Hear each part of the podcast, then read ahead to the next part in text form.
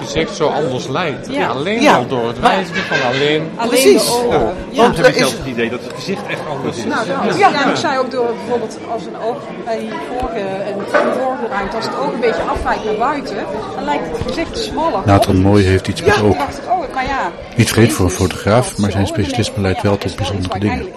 Vanuit het nogal clichématige idee dat de ogen de spiegel van de ziel zijn, is hij gaan uitzoeken wat, hoe en waarom dat precies zo werkt.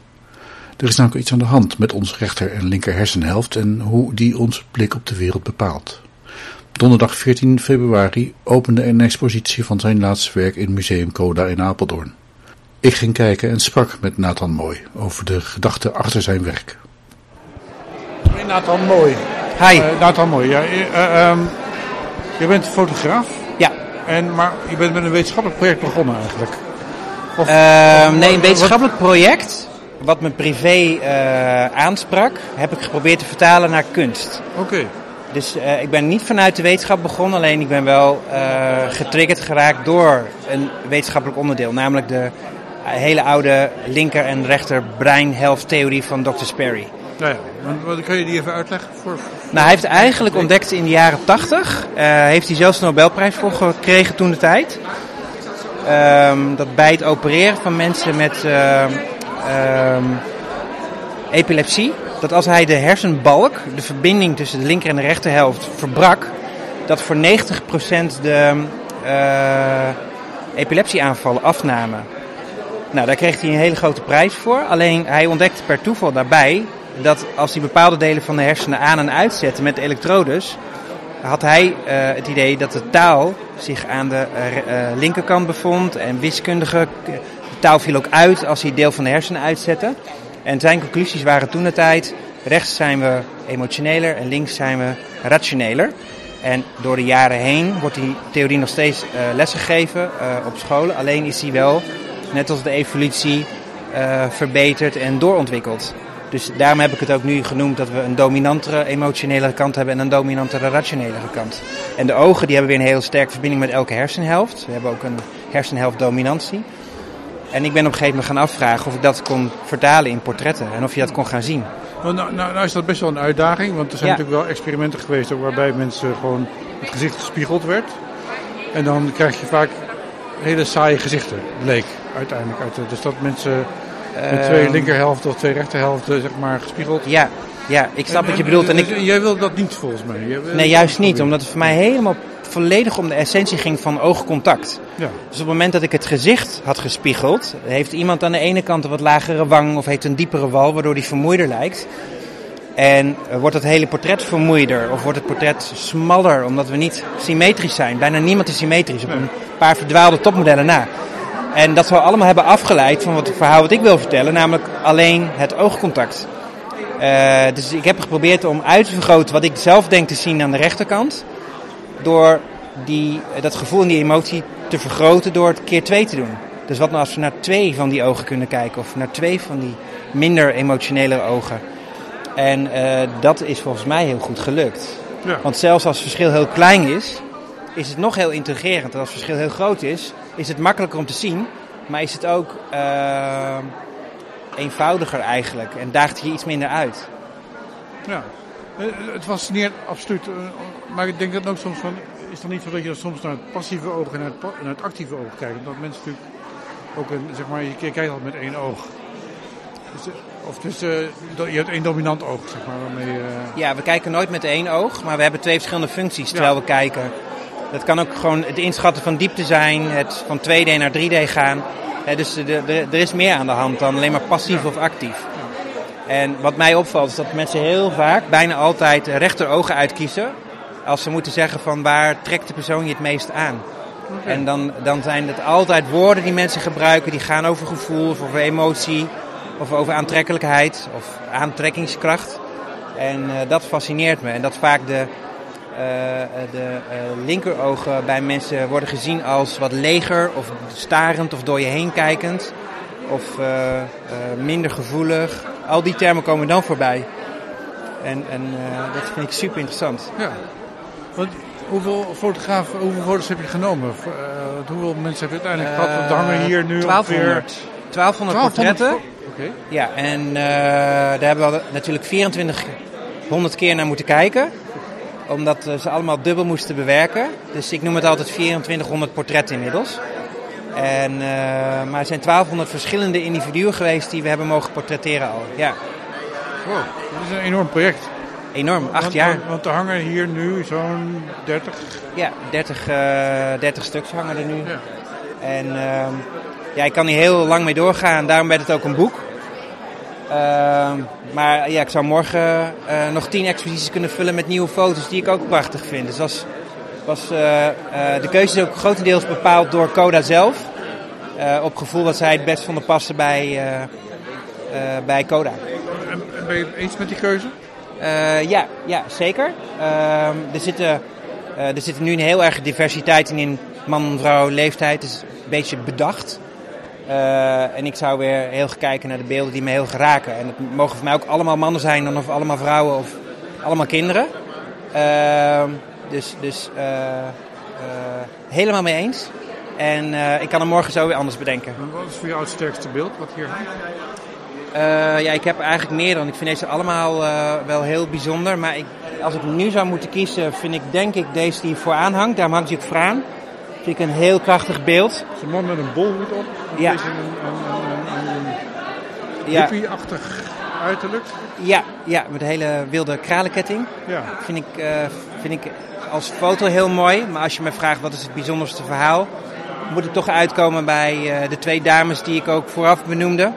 Die me helemaal mee hebben genomen in hun reis eh, en hun gevoel en kwetsbaarheid aangaande van hun blindheid.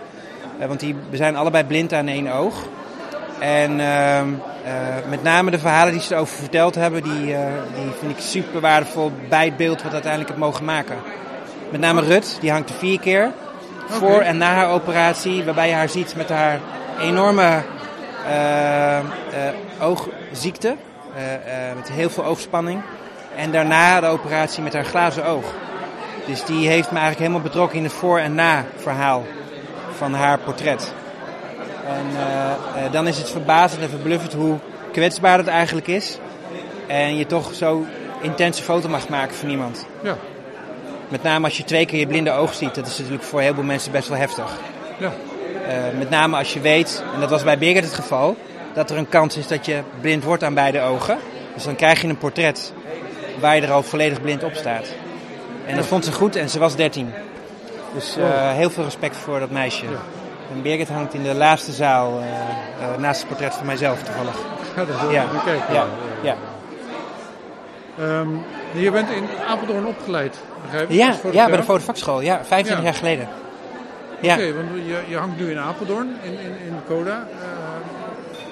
Eh, is dat ook nog speciaal voor jou? Bedoel, Ja. Wat ben je verder in je carrière als fotograaf geweest, geworden? eh, Nee, dit is mijn allereerste museumexpositie. Ik heb wel eens tentoongesteld in galleries, maar echt een museum in het formaat van Coda is eh, de allereerste keer. En dan is het natuurlijk fantastisch dat de plek waar je naar school ging, later de plek wordt eh, waar het museum staat wat je werk uit eh, kiest. Dus ja, heel bijzonder. en, wat maakt voor jou nu zeg maar, het verschil tussen eh, zeg maar, een wetenschappelijk project en kunst? Want dat vind ik toch wel zelf een interessante vraag. Waar, waar wordt het voor jou zeg maar, kunst? Nou, in dit, geval, ehm, eh, in dit geval vind ik het absoluut niet een wetenschappelijk project, maar is, heb ik me alleen maar laten inspireren door de wetenschap. Ja. Ehm, dus voor, voor mij is het buiten kijf dat het kunst is. Of staat buiten kijf, zeg ik het goed? Ja. Nou ja, ja, Ja. En ehm, ik heb zelfs een klein beetje met de kunst en de fotografieregels eh geplaagd. Door de foto eigenlijk op een manier te maken dat het bijna voldoet aan de spelregels van een gemeentehuis die de pasfotoregels opstelt. Eh, waardoor het weer zo'n basic, maar hele hoog kwalitatief portret geworden is. Waardoor je ook weer voor mijzelf als fotograaf, maar ook als kijker wordt gedwongen en ook als model om je meest neutrale en pure ik te geven. Dus door de fotografieregels juist een klein beetje te versimpelen, bleef er voor mij extra veel uitdagingen over om de persoon en het portret en de, en de ziel bijna van, van, van het model te pakken. En dat is eh, eh, voor mij het meest bijzondere van het hele project geweest. Ja. Iedereen heeft echt naar zich laten kijken. Ik, ik noem het ook af en toe, we moeten eigenlijk met z'n allen niet meer kijken naar elkaar, maar elkaar gaan zien. daar zit voor mij de nuance tussen kijken en zien. En, en de mensen voelen ook dat ik niet naar ze kijk, maar dat ik ze zie. Dus de mensen weten als ik ze portretteer, dat het een kwetsbaar portret is. Ik krijg daarna ook vaak de vraag, wat vond u van mij? Wat op zich een hele bijzondere vraag is Ja. aan een fotograaf. Ja. Ehm, het is ook een beetje wie ik als mens ben. En, eh, Ja, dat is wel een ja. interessante vraag. Want ik ken best wel wat fotografen die het heel moeilijk vinden om rechtstreeks naar mensen te kijken. Die heel fijn vinden dat een camera tussen zit. Nee, ik heb het dat- precies tegenovergestelde. Ja. Ik hou zelfs mijn oog open terwijl ik fotografeer, zodat ik het model aan kan blijven kijken terwijl ik met mijn andere oog door de camera kijk. Ja. Dus eh, het, het, het- ja, ik denk zelfs dat meer dan de helft van wat hier hangt misschien maar één foto was. En dat ik niet eens een serie heb geschoten. Ik, ik denk van die 1200 portretten zijn er misschien wel 400 die maar één foto waren. Dus niet eens drie of vier. Gewoon ik heb hem omdat het gewoon goed was. Dat wist ik. Oké, Ja. hoe weet je dat? Door altijd in contact te blijven met het model. Ja. Dus als ik kijk, zie ik wat de persoon mij teruggeeft. Of die knippert. Of, of alles goed was. Dat andere oog was eigenlijk alleen maar bezig met de techniek. Maar Ja. door in contact te blijven, ja, was het gewoon goed. Ik heb heel vaak daarna gezegd, ja, ik kan er nog één maken, maar dit was hem al. En zegt, nou, doe er dan nog één. En dan deed ik dat, maar ik koos toch altijd de eerste. Want ik had het al gezien. Ja. Dus ik denk zelfs dat als ik meerdere foto's maak, dat ik vaak al weet dat het goed was. Of dat ik bewust de tweede foto maak omdat ik zag dat de persoon knipperde. Dat is natuurlijk een technisch probleempje voor een portret wat je moet oplossen. Een knipperend oog. maar eh, ja, voor mij gaat alles eigenlijk om connectie. Ook als ik met mensen praat. Dan, eh, niks kan zonder dat het echt is. En dat is voor mij ook de betekenis van kunst, van fotografie. En de wetenschap is nu alleen maar een soort eh, klein fundamentje geweest om dit verhaal te vertellen. Maar voor mij gaat het over de simpele vraag aan iedereen. Wil je echt iemand aankijken en wil je dan proberen de persoon te zien? Ook aan het woord komt Marco Kuipers, de man die zijn gespiegelde portretten met Photoshop tot iets heel aparts maakt.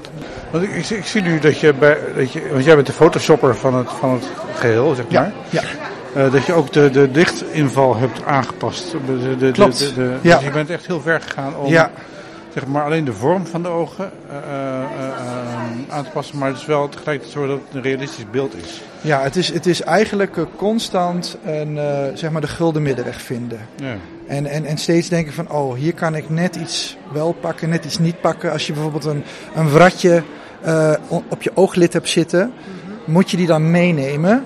Of moet je die heel iets verzachten, zodat het niet heel erg veel de aandacht gaat trekken? Dat je twee wratjes ziet, in plaats van de ogen. Dat soort dingetjes. Ja, dat, dat, daar zijn wel eens keuzes in gemaakt waarvan ik denk van ja, dat, dat kun je haast niet anders doen. Hè, zoals bij die meneer zie je ook gewoon, zeg maar, zijn, zijn, zijn heel veel eh, plooien rond de ogen, zeg maar. En je ziet dat aan de linkerkant en de rechterkant zit sowieso al verschil qua donker en licht. En dan ga je het gebied daaromheen ook lichter maken, daar waar nodig is. Dus eh, ja. De tentoonstelling is nog te zien tot en met 2 juni in Coda te Apeldoorn.